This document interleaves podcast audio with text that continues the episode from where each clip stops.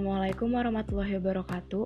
Nama aku Malen Azhara Zulkarnain dari kelas 11 IPA 1. Jadi di podcast ini aku mau ngejelasin ke kalian tentang brain gym yang udah aku lakuin tadi. Apa sih yang aku rasain setelah melakukan brain gym? Manfaat brain gym tuh ada apa aja sih? Dan apa kaitan brain gym dengan imunitas tubuh dan fungsi otak? Nah, tapi sebelum kita membahas lebih lanjut soal brain gym, kita juga perlu tahu nih definisi brain gym itu apa.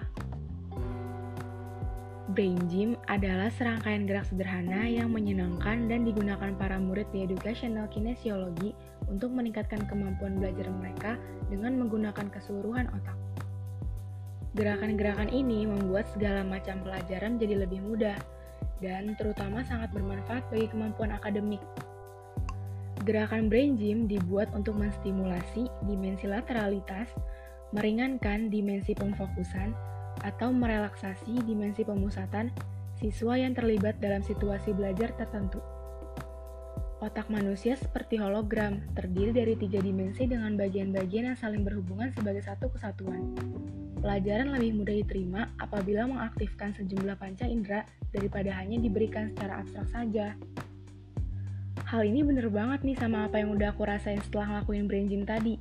Emang bagus banget buat merelekskan otak kita yang udah mumet banget selama self quarantine ini. Makin penasaran kan manfaat brain gym tuh sebagus apa? Nah, manfaat brain gym selain dapat meningkatkan kemampuan belajar, brain gym dapat memberikan beberapa manfaat seperti yang dikemukakan oleh Ayunosa. Brain gym dapat memberikan manfaat yaitu berupa A. Stres emosional berkurang dan pikiran lebih jernih B. Hubungan antar manusia dan suasana belajar atau kerja lebih rileks dan senang. C. Kemampuan berbahasa dan daya ingat meningkat. D. Orang menjadi lebih bersemangat, lebih kreatif dan efisien. E. Orang merasa lebih sehat karena stres berkurang. Dan F. Prestasi belajar dan bekerja meningkat. Senada dengan yang dikatakan oleh Fanny, banyak manfaat yang bisa diperoleh dengan melakukan brain gym. Gerakan-gerakan ringan dengan permainan melalui olah tangan dan kaki dapat memberikan rangsangan atau stimulus pada otak.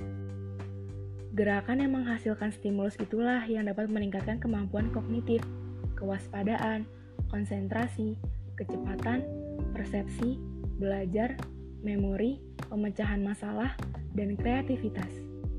Menyelaraskan kemampuan beraktivitas dan berpikir pada saat yang bersamaan – meningkatkan keseimbangan atau harmonisasi antara kontrol emosi dan logika, mengoptimalkan fungsi kinerja panca indera, menjaga kelenturan dan keseimbangan tubuh, meningkatkan daya ingat dan pengulangan kembali terhadap huruf atau angka dalam waktu 10 minggu, meningkatkan ketajaman pendengaran dan penglihatan, mengurangi kesalahan membaca, memori, dan kemampuan komprehensif pada kelompok dengan gangguan bahasa, hingga mampu meningkatkan respon terhadap rangsangan visual. Jadi dari fungsi otak aja udah kelihatan nih kalau brain gym itu juga berpengaruh banget ke imunitas tubuh. Karena kalau otak kita aja yang sebagai pusat tubuh kita menjadi rileks dan tidak memiliki beban pikiran yang berat, otomatis sistem imun tubuh kita pun akan tetap stabil dan terjaga. Jadi ngelakuin brain gym itu nggak rugi sama sekali loh, so lakuin rutin yuk. Sekian podcast dari aku, semoga bermanfaat dan terima kasih.